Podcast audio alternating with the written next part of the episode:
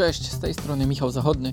Miło mi gościć Cię w moim podcaście, w którym będę od taktycznej strony opowiadał o meczach, które obejrzałem, zawodnikach, których gra mnie zainteresowała, ale też o trenerach, zmianach, trendach i wydarzeniach, które warto przedyskutować.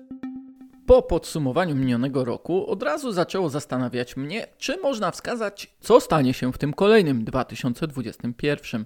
Oczywiście tych prognoz pojawiło się ostatnio sporo, choćby Julian Nagelsmann mówił z obawą, że brak przerwy zimowej w Bundeslidze wpłynie na jakość w samej końcówce sezonu, dodając, że nadzieją jest wiosenna poprawa pogody, więcej słońca i w efekcie więcej witaminy D. Gdzieś to już słyszałem. Nie zamierzam zajmować się prognozowaniem pogody, ale w tym odcinku podcastu skupię się na kilku obszarach, które mogą pomóc nam w wyobrażeniu sobie, jaki ten 2021 rok będzie. Myślę, że fajnie będzie zacząć od tego, który w poprzednich 12 miesiącach był po prostu najlepszy i zaczął już swoje show w styczniu. Jednak przez głowę Roberta Lewandowskiego musiała też przejść myśl, że paliwa zacznie mu brakować. Jest on przecież też dobrym przykładem, ponieważ gra w znakomitym zespole, który może rywalizować na wszystkich polach do ostatnich rund. W moim wyliczeniu założyłem więc, że w 2021 roku rozegra maksymalną liczbę spotkań. Zaraz złapiecie się za głowy. Bundesliga wznowiła rozgrywki w tym roku od 14 kolejki, a więc to 21 spotkań do końca sezonu. Runda jesienna następnego zaczyna się już w połowie sierpnia i będzie liczyć 17 kolejek. Suma to 38 meczów. E, dodajmy 7 spotkań Ligi Mistrzów, którymi Bayern może obronić zdobyty przed rokiem tytuł oraz 6 z kolejnej fazy grupowej. W Pucharze Niemiec Monachijczyków czeka jeszcze 5 spotkań w tym sezonie i druga runda w październiku. Dodają również dwa starcia w klubowych Mistrzostwach Świata, które są gwarantowane w lutym oraz możliwe superpuchary Niemiec i Europy. Doszło więc 10 spotkań, a teraz czas na reprezentację. Kalendarz jej rozgrywek jest jeszcze bardziej intensywny do rozegrania w tym roku są całe eliminacje Mistrzostw Świata w Katarze, czyli 10 spotkań, do tego dwa starcia towarzyskie przed Euro oraz same Mistrzostwa, gdzie zakładam 4 mecze, czyli realizację postawionego przed drużyną celu. Jesteście jeszcze ze mną? Bo to już 77 spotkań. Oznacza to, że Lewandowski, chcąc śrubować kolejne rekordy, będzie zmuszony do gry przez cały rok częściej niż co 5 dni. Cały rok i to bez przerwy. By jeszcze lepiej uzmysłowić skalę wyzwania, pokażę tylko finisz tego sezonu.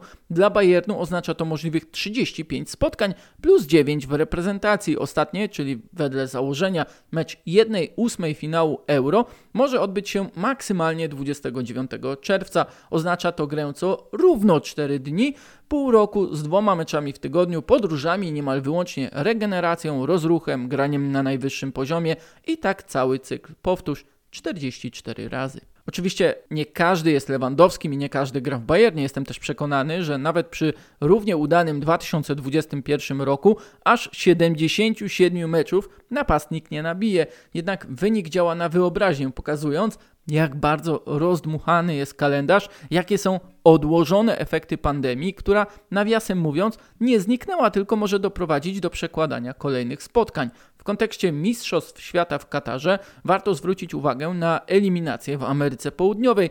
Czyli te, które są najdłuższe, bo trwają aż 18 spotkań. Dotychczas rozegrano tylko 4 serie, a Federacja CONMEBOL musiała poprosić FIFA o stworzenie dodatkowego okna w kalendarzu na zakończenie eliminacji, które będzie na przełomie stycznia i lutego 2022 roku. Co ciekawe, to dokładnie wtedy, gdy ma odbyć się Puchar Narodów Afryki przeniesiony z tego roku.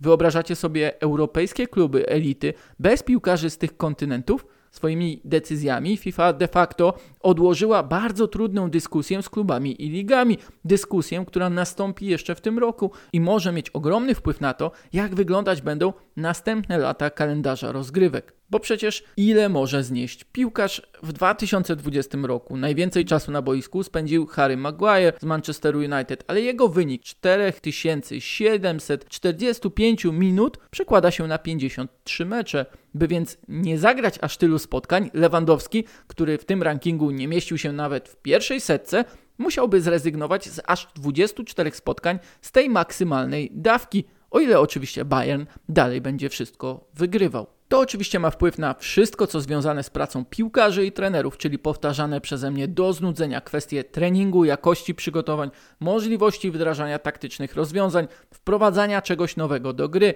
Nie chcę się tutaj powtarzać, wspomniane na wstępie obawy Nagelsmana są tego najlepszym odzwierciedleniem, bo przecież mowa o jednym z niewielu czołowych trenerów, któremu względnie udało się utrzymać intensywność gry pressingiem w porównaniu do poprzednich dwóch sezonów. Uściślając, jeszcze mu się to udaje. Jednak chciałem zwrócić uwagę na inny aspekt funkcjonowania drużyn, który w podsumowaniu 2020 roku znalazłem na stronie Obserwatorium CS, które przygotowuje co miesiąc bardzo interesujące raporty dotyczące świata futbolu. Chociaż ich najnowsze badania dotyczą porównania kilku ostatnich lat, to też z racji zmian, które zaszły w tym 2020, mogą również pokazywać, co czeka nas dalej. Przykładowo, wprowadzenie pięciu zmian oraz zwiększonej konieczności rotacji wymusiło korzystanie z coraz młodszych zawodników, poprzednich 10 latach zawodników do lat 19 było w składach średnio 3,2% w 31 ligach Europy. W 2020 roku ta liczba wzrosła do rekordowego poziomu 4%. Również w 2020 zadebiutowało 5,4% nowych zawodników, co jest kolejnym zdecydowanie najwyższym wynikiem od 2009 roku. Przykładowo w 2018 ten wynik był na poziomie nieco ponad 3%. Co ciekawe, najbardziej widać to nie po drużynach z pięciu czołowych lig, ale tych z pięciu kolejnych i 11 ostatnich zestawienia, czyli również ekstraklasy. W 18 z 31 lig krajowych spadła średnia wieku. Badacze zwrócili również uwagę na znaczenie większej stabilizacji składów. Stały się one bardziej obszerne, a proporcja nowych zawodników była na koniec października najmniejsza od 2012 roku. Z pięciu czołowych lig największy spadek pod tym względem zanotowali Hiszpanie, a jedynie Anglicy utrzymali tendencję wzrostową. Mówię utrzymali, ponieważ już wiemy, że spory wpływ na kolejny rok funkcjonowania klubów na wyspach będzie miał Brexit i ograniczenia związane ze ściąganiem piłkarzy z Unii Europejskiej. Można więc zacząć szukać w tych wynikach wniosków na 2021 rok. Rozbudowywanie kadr drużyn, oferowanie szans coraz młodszym zawodnikom, promowanie ich, o ile oczywiście utrzymane zostaną przepisy, choćby dotyczące pięciu zmian w meczach, Odmładzanie drużyn ma również sens w tym względzie, że po prostu młodsze organizmy mogą znieść większe obciążenia i wymagają krótszego czasu regeneracji. Rok 2021 może być więc walką o wyciśnięcie każdej kropli intensywności i sił ze swoich piłkarzy. Ale jakie będą najbardziej efektywne sposoby na osiągnięcie wyniku? Co można wytrenować stosunkowo szybko i z meczu na mecz zaskoczyć tym przeciwnika? Myślę, że sami już wiecie, że chodzi o stałe fragmenty gry. Sprawdziłem, ile goli strzelono w pięciu czołowych ligach Europy po podaniach ze stojącej piłki.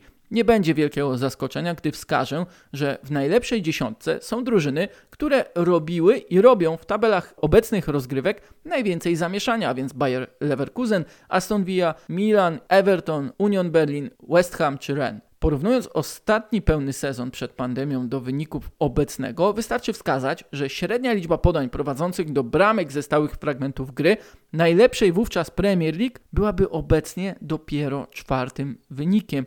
Tylko we Włoszech i w Hiszpanii nie zanotowaliśmy znaczących wzrostów. Premier League jest ciekawym punktem odniesienia, ponieważ tam z racji możliwości finansowych, ale też różnorodności szkoleniowców i sposobów funkcjonowania klubów, te nowinki są wprowadzane najczęściej i też najszybciej.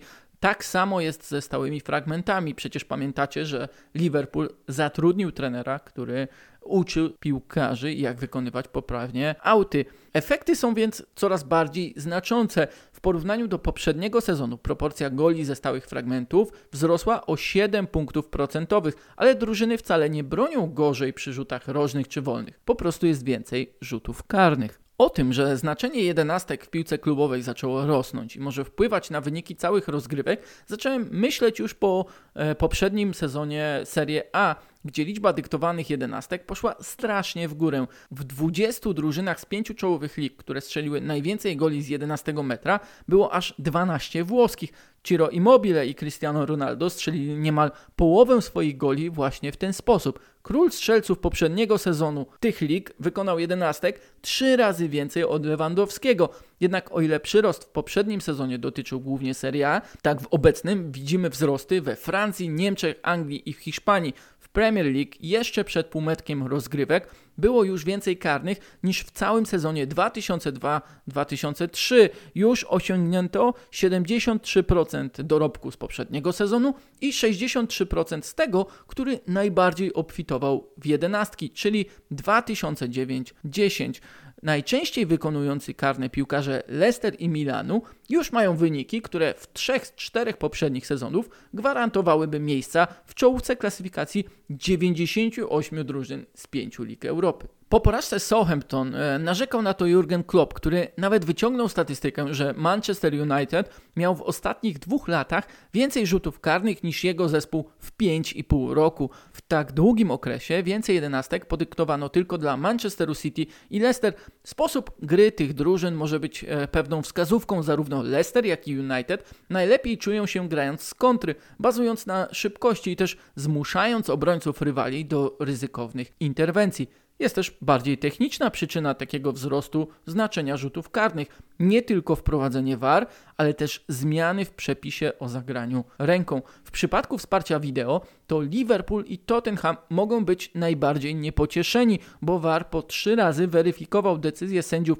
o rzutach karnych na niekorzyść tych drużyn. Niemal 1 czwarta decyzji konsultowanych przez VAR w Anglii dotyczyła dotychczas przyznania rzutów karnych. Kwestia przepisu o zagraniu ręką również jest bardzo kontrowersyjna, czy raczej zagmatwana i jeszcze w grudniu IFAB, czyli organizacja decydująca o przepisach piłkarskich, zapewniała, że w 2021 zajmie się możliwością modyfikacji, czy też lepszego wyjaśnienia, kiedy ręka jest a kiedy jej nie ma. Były sędzia David Elleray, który jest członkiem IFAB, tłumaczył jednak, że głównie będzie to dotyczyło zagrań ręką w ataku, a nie w obronie. Rzutów karnych może być nadal tak dużo jak w obecnym sezonie. Nie twierdzę oczywiście, że w 2021 roku drużyny zaczną, oprócz przygotowywania schematów stałych fragmentów, grać także w ten sposób, by zdobywać więcej jedenastek, nie wiem, nabijając ręce obrońców. Nie, po prostu jeszcze większe znaczenie może mieć to, jak skuteczny jest najlepszy wykonawca rzutów karnych w Twoim klubie. To już nie tylko dodatek do dorobku napastnika, ale całkiem konkretny sposób na zdobywanie punktów. Myślę, że dlatego tak bardzo o brak rzutów karnych dla swojej drużyny pieklił się ostatnio Klopp, który widział, że ataki Liverpoolu są pozbawione intensywności błysku typowego dla mistrzów Anglii. Mistrzów, którzy są po prostu wyczerpani, którym ten jeden rzut karny mógłby dać choć trochę więcej energii. Naprawdę chciałbym Wam powiedzieć, że w 2021 roku spodziewam się pięknego futbolu, rozwoju ofensywnej piłki, ale trzeba się uzbroić w cierpliwość i przede wszystkim zrozumieć, że prawdziwe efekty pandemii w tym sporcie są wciąż przed nami.